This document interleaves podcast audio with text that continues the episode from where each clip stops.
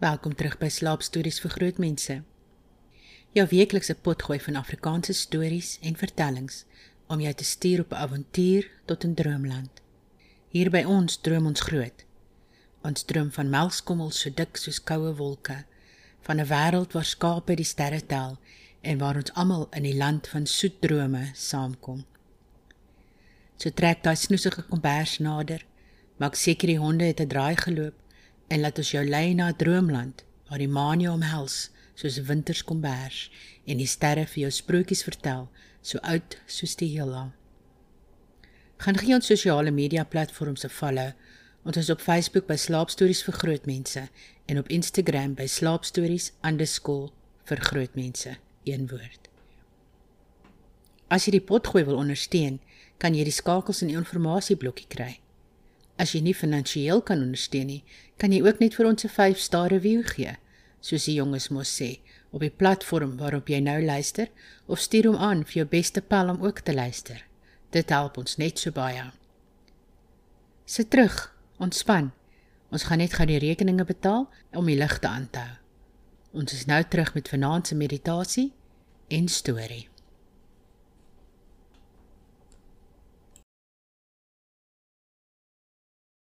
Vanaand is ons borg die koler. Enige persoonlike skryftaak, groot of klein, kan ons vir jou doen. Besighede, ons help met artikels en enige sosiale media inhoud. Studente, ons kan help met toesprake, debatte of take. En skrywers, julle kan ook op ons klokkie druk. Gaan na ons Facebook bladsy De Koler vir meer info. Hoop om binnekort van jou te hoor. De Koler, we do it right for you. Daar sê Wens ek het geweet van hulle toe ek my boeke geskryf het. Maar nou ja. Reg. Ek is seker jy is nou lekker snoesig. Kom ontspan nou ten volle. Lê heerlik agteroor. Maak seker jy is gemaklik en jou lyf is op al sy favourite plekkies. Maak jou oë saggies toe. Haal 'n diep asem in deur die neus Verbeel jou die lig is blink en skoon. Hou in vir 'n paar sekondes. En blaas uit deur jou mond. Kyk hoe verdwyn die dag se bekommernisse in die donkerte in. Neem nog 'n diep asem in. Hou. En uit. Voel hoe alle stres stadig uit jou lyf uitdryf. Jou voete voel lig en val selfs kante toe. Bene volg. Die maag. Bors. Arms. Skouers. Laat die kakebeen sak. Laat jou kop rustig rus. Asem in en uit. Asem in en uit. Jy stap diep in die woud. Jou voete streel sagkens die aarde. Die bome omhels jou met hulle stille wysheid. Terwyl die wind fluister van vrede. Die sonlig dans deur die blare en verlig die pad voor jou. Elke tree verbind jou dieper met die aarde. Terwyl jy die skoonheid inasem, vul die sang van die voëls en die sagte geritsel van blare en dit bring 'n lied van rus. Laat die bekommernisse van die dag agter en laat jou gedagtes vloei soos 'n kabelende stroom. Jou hart klop in harmonie met die natuur en jy voel die ewige kringloop van die lewe in die klop. Aanskou net die geskenk van die natuur. Terwyl jy wegraak in hierdie storie.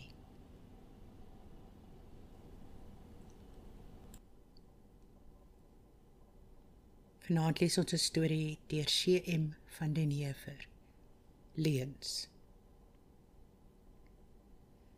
Dit is Saterdagmôre en Elofstraat met sy rye blink winkelfensters wat op glans in die son is een en al lewe. Rye motors wat by die robotte staan om dan vinnig vooruit te skiet. Mylwaans wat moeilik by die hoeke van die straat te draai. Geskreeu van koerantverkopers en die bonte wisseling in kleredrag van wandelaars langs die sypaaie.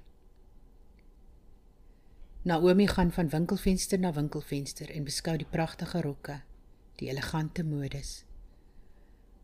Dan kyk sy weer na haar eie rok, al effens afgesluit van die dra en die ou wrokkende gedagte kom weer in haar op.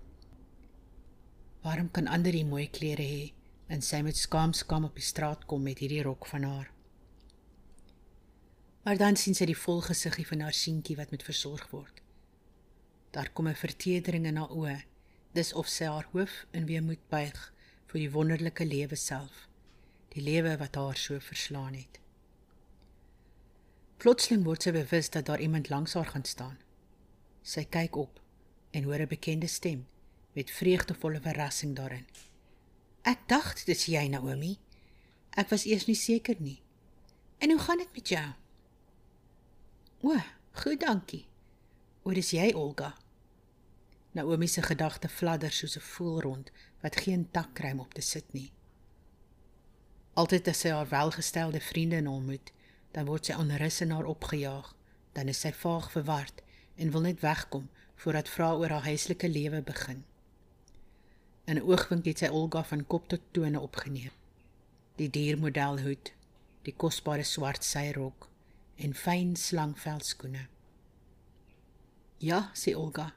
Ek ontmoet nou die dag nog vir Hester toe gesels ons oor jou. Sy vertel my toe dat jy nou in Johannesburg woon. Dis darm lanklaas dat ons mekaar ontmoet het. Wag, laat ek sien. Dis mooi 10 jaar gelede dat ons laas met mekaar gesels het.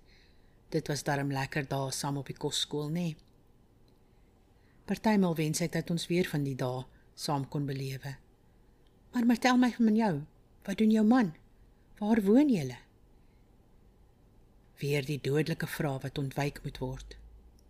My man is hier in besigheid en vinnig probeer sy die belangstel van haar afskuiwe. Wat doen jou man?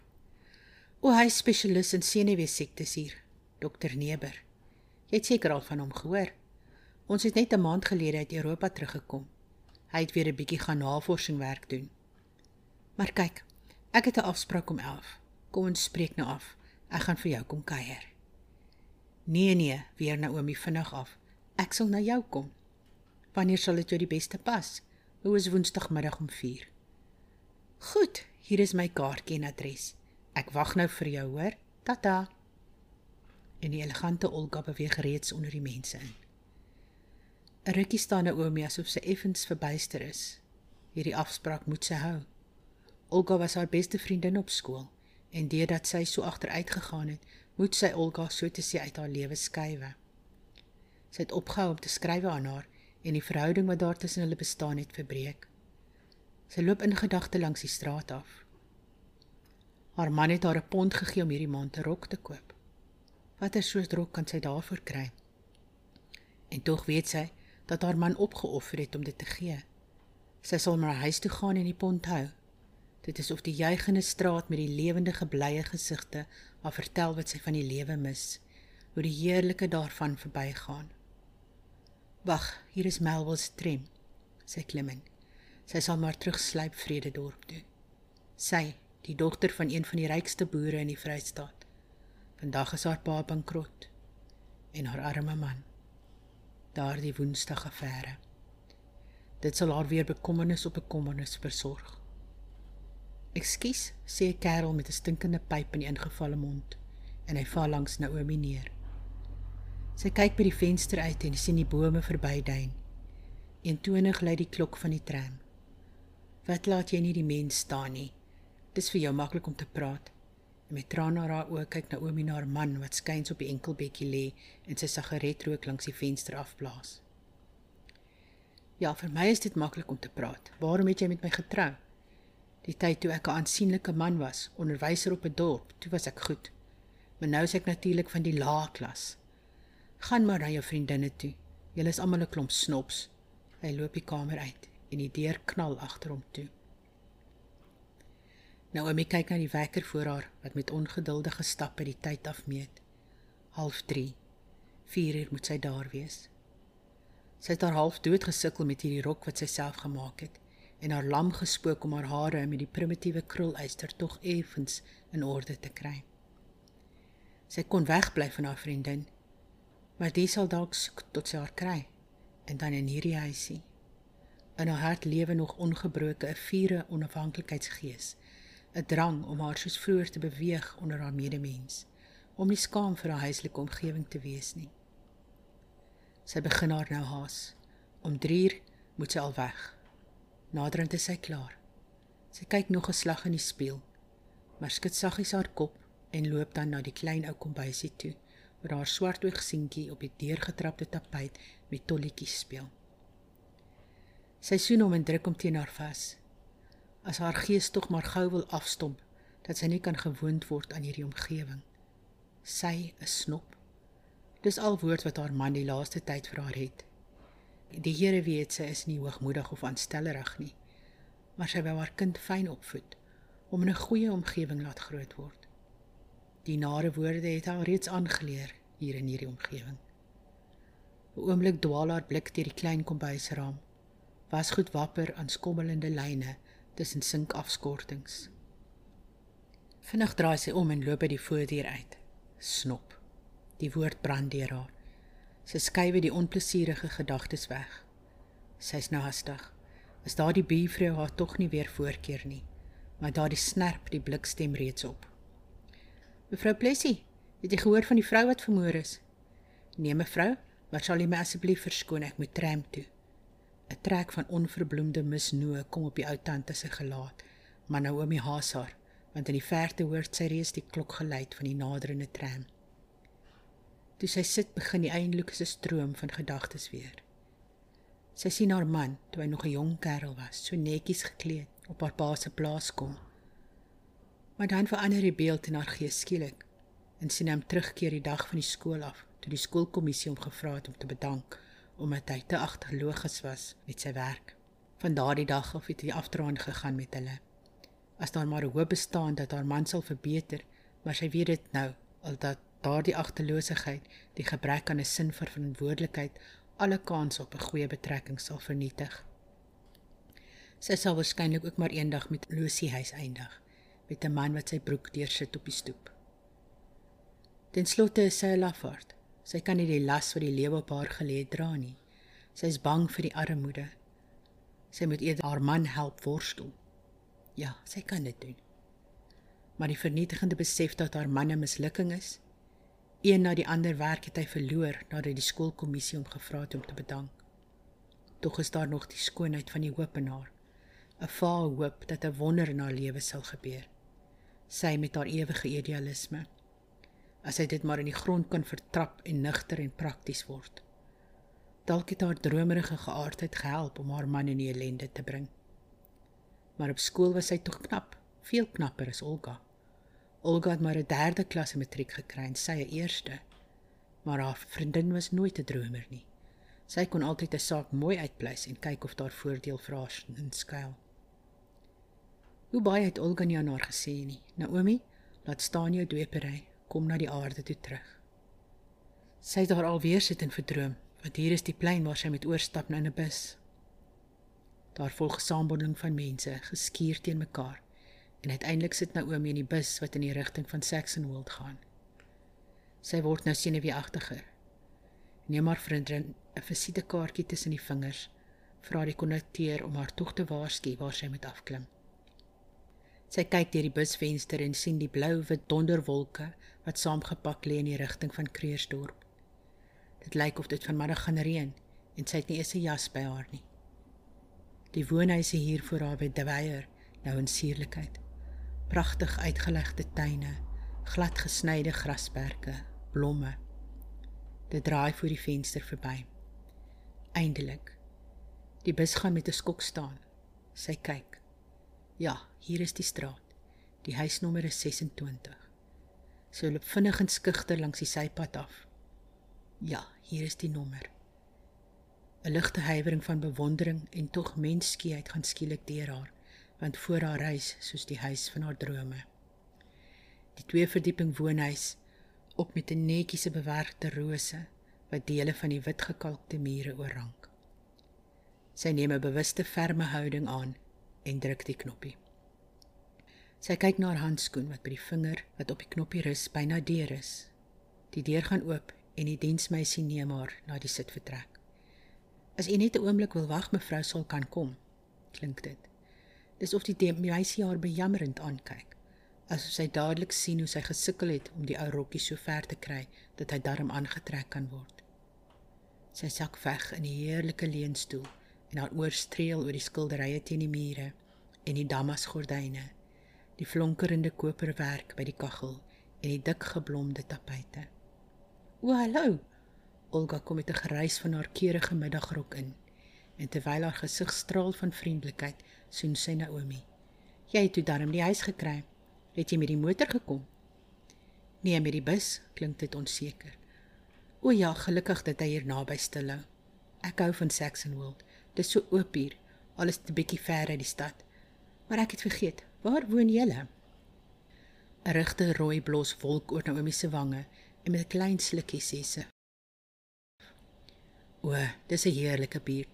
Ons wou eers daar gaan woon het, maar kon nie 'n lekker geskikte huis kry nie."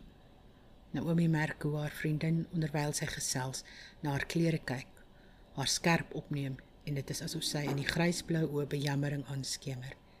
Die leen wat sy vertel het in hierdie blik in haar vriendin se oë verontrus haar en die menskeheid wat sy in die laaste tyd so skerp ontwikkel het, word hewig in haar wakker. Sy wil weg na die ruimte buite. Sy verag haarself, maar dan hoor sy die simpatieke stem van haar vriendin. Daar kom 'n impulsiewe begeerte by haar op om alles aan Olga te vertel, om haar nood te kla en troos te soek. Maar onvriendelike glans die meubels haar weer teen, koud en hard. Sy sien die weelderige klere van haar vriendin en sy swyg, verboureerd en asof oorweldig. Ja, dit is darem wonderlik hoe die tyd omgaan, gesels Olga opgewek. Onthou jy nog hoe ek jou altyd met jou dweepery gespot het? Naomi slaan haar mooi ooglede skugter neer en klik saggies haar hoof. Jy was mos altyd 'n ouetjie vir die ideale. En Olga lag haar mooi wit tande bloot. Maar wat ek eintlik wou vra, het julle kinders? 'n Seentjie, kom die antwoord, asof met eerbied uitgespreek. Ons het twee dogtertjies. Wag, voor ons tee drink wil ek jou tog eers hulle speelkamertjie wys. Die twee staan op, gaan na bo. En toe Olga die speelkamer se deur oopmaak, jubel twee dogtertjies se blye stemmetjies. Met hulle gladgekamde haartjies en helder oogies kom staan hulle langs hul ma skamerig na Naomi en kyk. Laasgenoemde mompel verward iets van pragtig. Sy voel lomp in hierdie weelderige omgewing. Laasgenoemde mompel verward iets van pragtig. Sy voel lomp in hierdie weelderige omgewing. Dis asof sy die mooi kinderkamer met sy met hulle gladgekamde haartjies en helder oogies kom staan hulle langs hul ma se kamerig na Naomi en kyk. Laasgenoemde mompel verward iets van pragtig. Sy voel lomp in hierdie weelderige omgewing. Dis asof sy die mooi kinderkamer met sy koddige geskilderde figuurtjies teen die appelgroen mure, die halwit bekkies en dierspeelgoed in haar gedagte wil meeneem na haar seentjie waar hy eensaam op die deurgetrapte kombuisvloer met tolletjies speel. Toe hulle met die trap afgaan, vertel die vorslike Olga: "Jy's miskien ook geïnteresseerd in die sosiale werk. 'n Klompie van ons vrouens in hierdie omgewing het 'n klein klub gestig. Dan maak ons klere bymekaar en elke woensdagmiddag gaan ons na Vrededorp om dit onder die armes uit te deel. Voel jy nie lus om ons te help nie? Ons twee kan maklik saamry, nie waar nie?" "Ja," antwoord Naomi. "Ek sal graag wil help as ek kan." Maar in haar hart skryn dit. Sy moet op haar lippe byt want trane wil in haar oë kom. Sal sy nie maar bely nie, sê dat dit alles 'n bedrog is, maar die woorde huiwer net tot op haar lippe.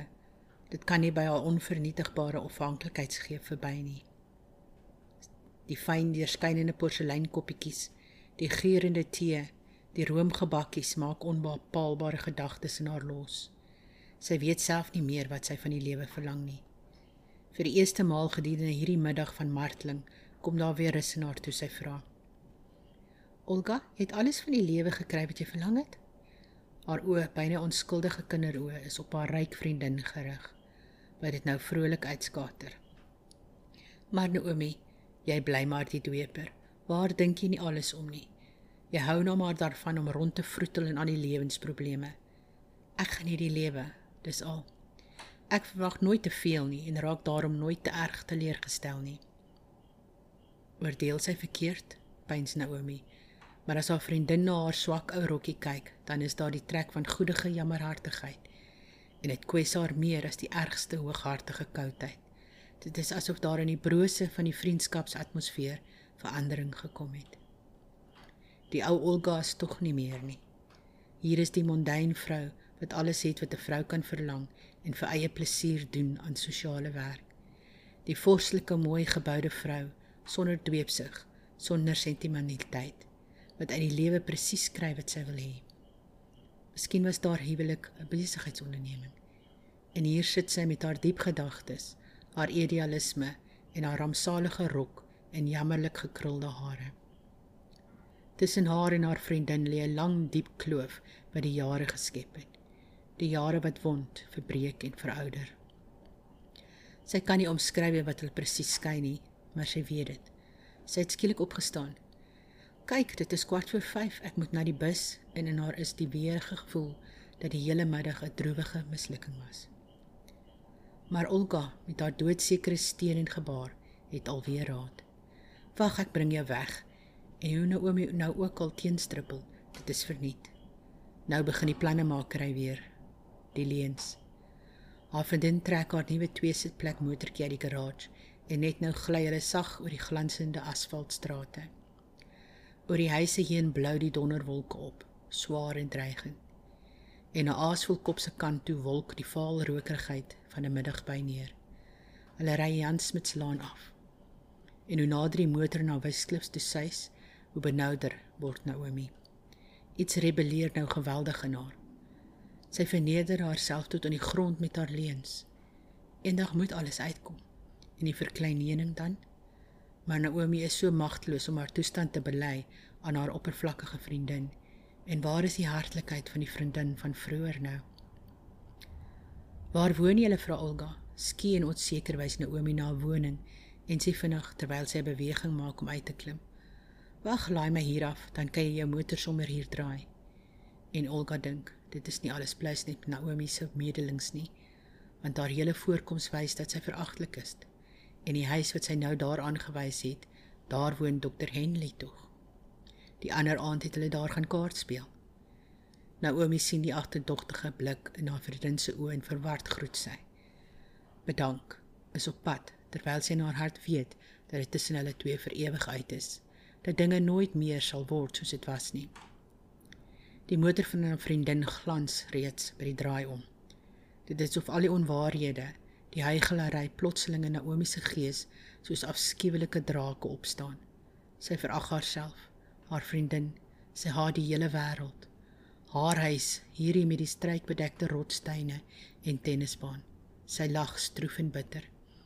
Opeens val die reendruppels, groot en blink, skyn hulle teen die son wat net agter die donker geriffelde wolke in verdwyn. Hulle vorm donker krulle op die stofbedekte straat en op Naomi se rok. Maar sy stap nou aan een, want die stilhou plek van die bus is ver van haar af.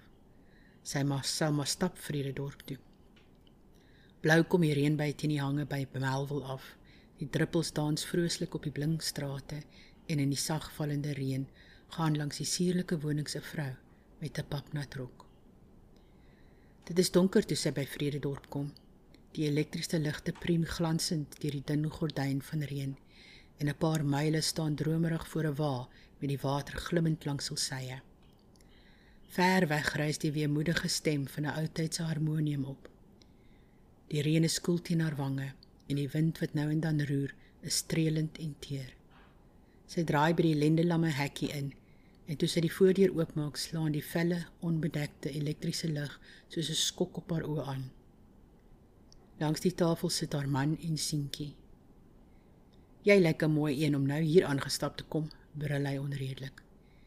"Ek en die kind moet seker verbygaan van die honger terwyl jy by jou hoë vriendinne sit en tee drink," klomp snops. Hy blaas veragtend deur sy neus en sit sy hand op die seentjie se skouer wat met groot oop oë na sy ma sit en kyk en toe onverwags sê: "Mamy se mooi rok is papnat." Toe skater hy van die lag. Naomi het geen woord nie. Haar lippe is ferm op mekaar.